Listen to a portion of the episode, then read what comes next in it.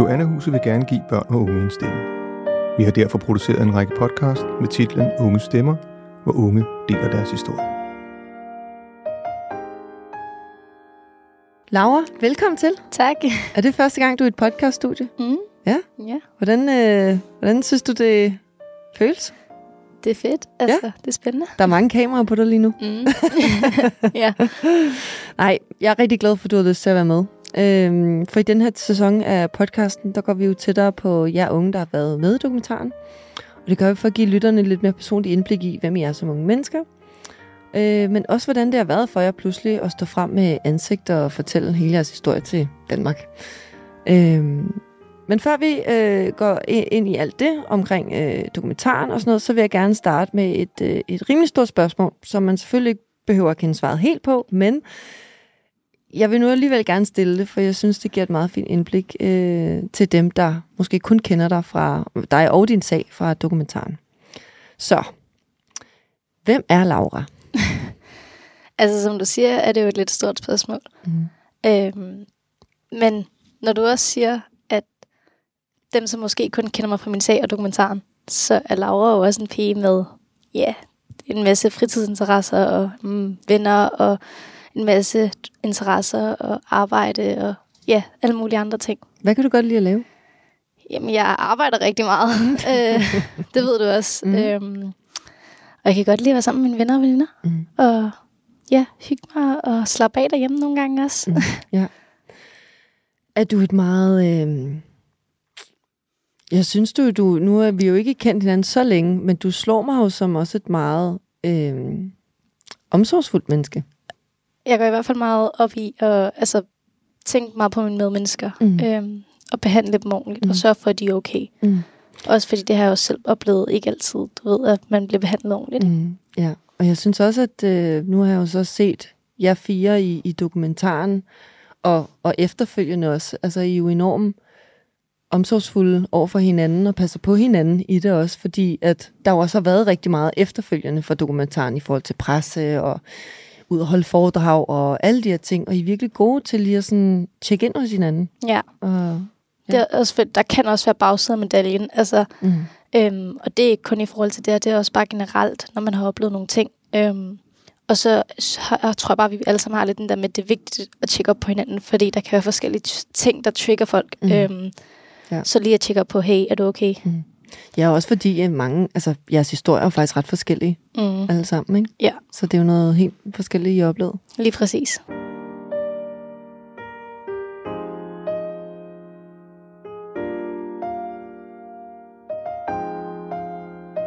Men i dokumentaren, der ender din afgørelse fra kommunen således. Vi har besluttet, at du skal anbringes uden for hjemmet. Det var det. Ja, Det var simpelthen det. det var det. Og, øh, og der, der sidder jeg jo også tilbage med altså, et stort spørgsmålstegn, øh, som vi jo forhåbentlig skal få afklaret i dag. Fordi hvad, hvad sker der så egentlig efter det? Jamen, øhm, de finder først ud af, at de egentlig gerne vil anbringe mig i en sådan akut plejefamilie. Øhm, Og hvad vil det sige? det vil sige, at så egentlig nærmest fra den ene dag til den anden, så kan jeg komme i en akut plejefamilie. Okay. Altså en plejefamilie, Ja. men hvor det er midlertidigt, indtil man har fundet et permanent, for eksempel opholdssted eller et eller andet plejefamilie. Ikke? Mm. Øh, men det var der ikke, øh, der var ikke nogen pleje, akutte plejefamilier, der turde have mig. Øh, Ture hatter? Ja. Hvorfor? pas. Altså, de havde alle sammen sagt til min sagsbehandler, at de var bange for mig. Øhm, så der var kun en, der ville turde have mig, øhm, og hun boede i Sønderjylland. øhm, og da hun møder mig, der tog hun så heller ikke at have mig alligevel. Øhm, så jeg bliver som vente yderligere og være hjemløs i yderligere tid, og så bliver jeg så anbragt på en kostskole. Jeg bliver også nødt til at spørge, siger din sagsbehandler til dig, at de ikke tør have dig? Ja. Det var Hvordan? overret, hvad han sagde til mig. Hvordan føles det? altså som 15 år, jeg får at vide, at folk, der er uddannet til at skulle passe på nogle børn, der har det svært og ikke lige trives 100% derhjemme, at de ikke vil have dig, og de er bange for dig, fordi du har nogle udfordringer. Den gør meget ondt. Det forstår jeg virkelig godt. Men øhm, så rører jeg på kostskole efterfølgende, Okay. øh, hvor jeg bliver Hvorhenne? anbragt i Sønderjylland. Ja. Øh, og det var et meget stort skifte at komme fra København og være født og opvokset der, og så ryge på en kostskole i Sønderjylland, en lille provinsby. Mm. Øhm, og der færdiggør jeg faktisk min 10. Jeg blev smidt ud af kostskolen, men det var i eksamensperioden, så jeg færdiggjorde min 10. Mm. Øhm, men da jeg bliver smidt ud, der får jeg lidt sådan øjenåbner for, at hey, nu, nu har jeg brug for at slappe lidt af. Altså, øhm, så jeg har taget et sabbatår. Mm. Blev hjemgivet igen. Øh, og hjemgivet, hvad betyder det? Det betyder, at jeg blev sendt hjem til min mor igen. Okay. Ja. Nå. Ja. okay. Ja. Kan, man, kan man det? Eller, ja, altså, ja, det kan du sagtens. Altså, så, så selvom at, at de har besluttet, at du skal anbringes uden for hjemmet, så beslutter de så det modsatte? Jeg ved ikke, hvor meget de egentlig besluttede det. Jeg blev hjemgivet, og så kom jeg op til et møde på kommunen, hvor de spurgte mig, hvad vil du, Laura? Og der havde jeg jo ikke set min mor i nærmest et år, fordi mm. det var helt i Sønderjylland. Mm. Og så havde mig og min mor det lige godt i nogle uger. Mm. Og det her møde, det skal altså være ret hurtigt, efter du er blevet smidt ud og ikke har noget overhovedet. Mm. Øhm, og så sagde jeg bare, jamen, det er svært at svare på lige nu for mig. Altså, det har jeg brug for, at de tager stilling til. Mm. Og så valgte de så at hjemgive mig. Okay. Øhm, men øh, nu har jeg så fået min egen lejlighed sammen med en kammerat. Ja, tillykke. Tak.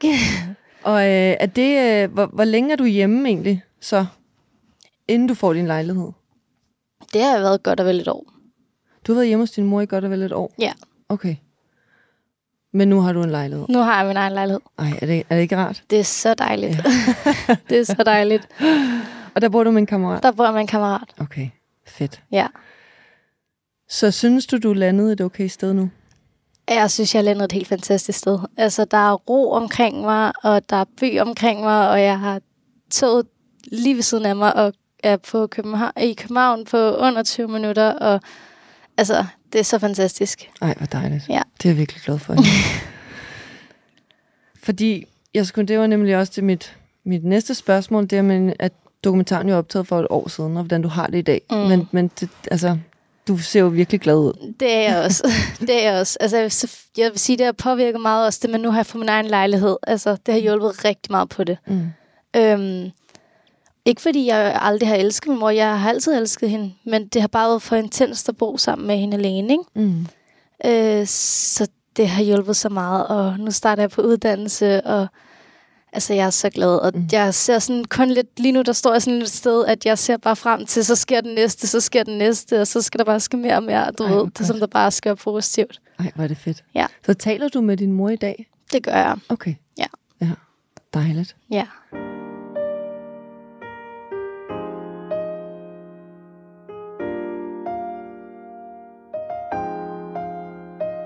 Okay, men hvis vi lige spoler lidt tilbage igen til, til dokumentaren, så øh, kunne jeg godt tænke mig at vide, er der noget, du savner i dokumentaren, som ikke blev vist? Altså, øh, jeg ved ikke, om man kan sige, at jeg savner det, men der var jo nogle gange de her ting, som man hørte om. For eksempel med, at man havde et misbrug, eller man gjorde nogle af de her ting, eller et eller andet, ikke? Det bliver fortalt om, men det bliver ikke rigtig vist på den måde. Øhm, og det kan jeg på den ene side godt forstå, men på den anden side kan jeg også godt savne det lidt. Fordi nogle gange er det nemmere for nogle mennesker, ved jeg, at forstå tingene, hvis de virkelig ser det med et virkeligt billede. Øhm. Og hvad, hvad havde du tænkt på i for? Hvad tænker du på dit eget misbrug der, der bliver nævnt i dokumentaren? For eksempel, ja. Mm. For eksempel. Ja. Hvad vil du gerne have fortalt folk om det? Øhm, jamen, af hvad jeg selv har erfaret, så er det lettere for folk, for eksempel med, når det kommer til et misbrug, at forstå, at sidder jeg og er mega skæv, eller sidder jeg med en joint i hånden, så, så, så lige pludselig, okay, nu kan jeg godt forstå det. Nu, nu, nu, nu hun kan faktisk godt finde på at tage noget. Mm. Frem for, hvis jeg bare siger, jeg kan faktisk godt finde på at tage noget. Mm. Øhm. Ja. Men føler du, folk misforstår dig? Nej, det gør det? jeg ikke. Nej. Det gør jeg ikke. Jeg føler stadig, at den viser rigtig meget, mm. og viser rigtig meget af det, jeg gerne har vil vise. Ikke? Ja. Og er det også, øh, fordi det, det, det, som vi også snakkede lidt om øh, tidligere, var også det her med, at den her hverdagsproces, altså, og det er jo igen også, dokumentaren viser jo også, og har også kun mulighed for at vise et lille indblik jo, mm. øh, fordi der sker jo rigtig mange ting, og det er jo mange år, den er, den er blevet filmet under. Ja. Øhm, men men at, øh, at du også på et tidspunkt nævner, at du savner lidt af den her hverdagsproces. Ja. Øh, altså, den blev vist meget i store billeder, kan man sige, og en lille proces, altså ikke en lille proces, men som du også siger, det der med, at det er en lille del af en kæmpe ting, der bliver vist. Mm. Øhm, så sådan noget med, når man sidder og læser en sagsakter og sådan nogle ting, det var, når man, du ligesom okay, nu skal vi gøre det her, Laura. Mm. Så bliver det filmet, ikke? Mm. Øhm, hvor der er jo ligesom hele den her hverdagsting med, du er hjemløs. Mm. Dit liv, det kunne gå fra sådan her til sådan her mm. på, altså fra op og ned mm. på 0,2 mm.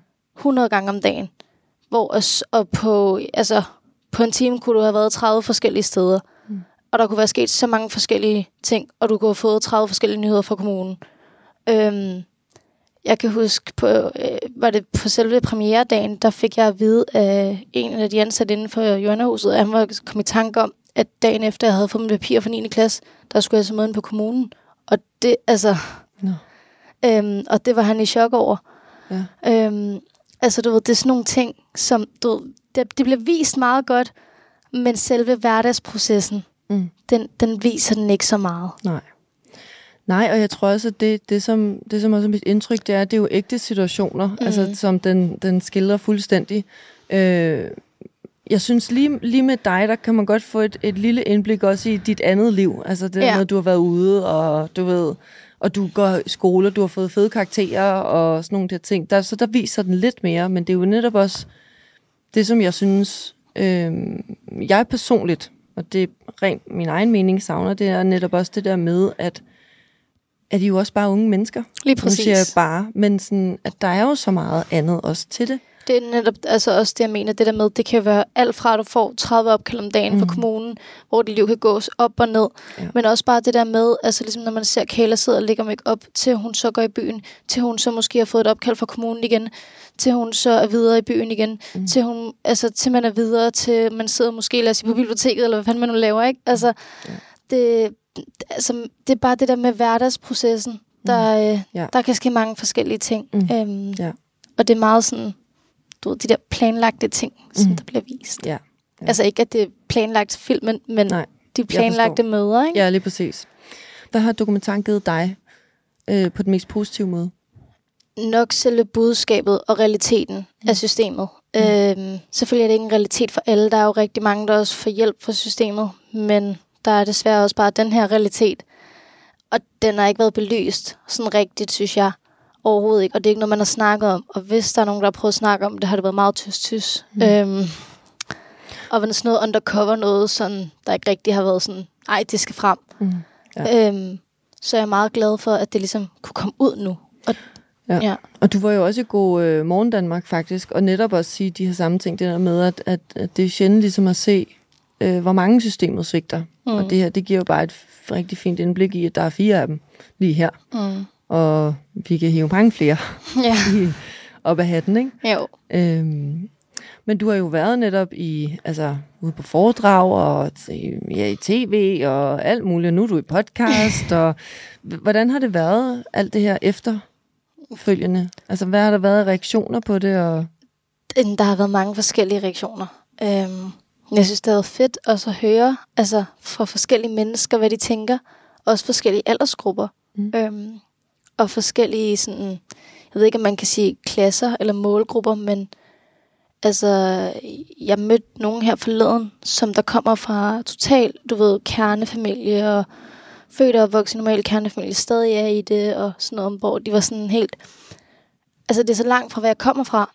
Og jeg har aldrig selv haft nogle venner eller venner, der har været sådan og været i det. Men det er spændende at høre om. Mm. Hvor jeg var sådan, jamen altså, hvad skal man svare til det? Men, mm. det er jo, men det er fedt et eller andet sted at høre, at de har respekt for det, og de synes, det er spændende at høre om. Mm. Selv ja. når det er nogen, der kommer fra altså, noget, der ja. er så omvendt, ikke? Jo.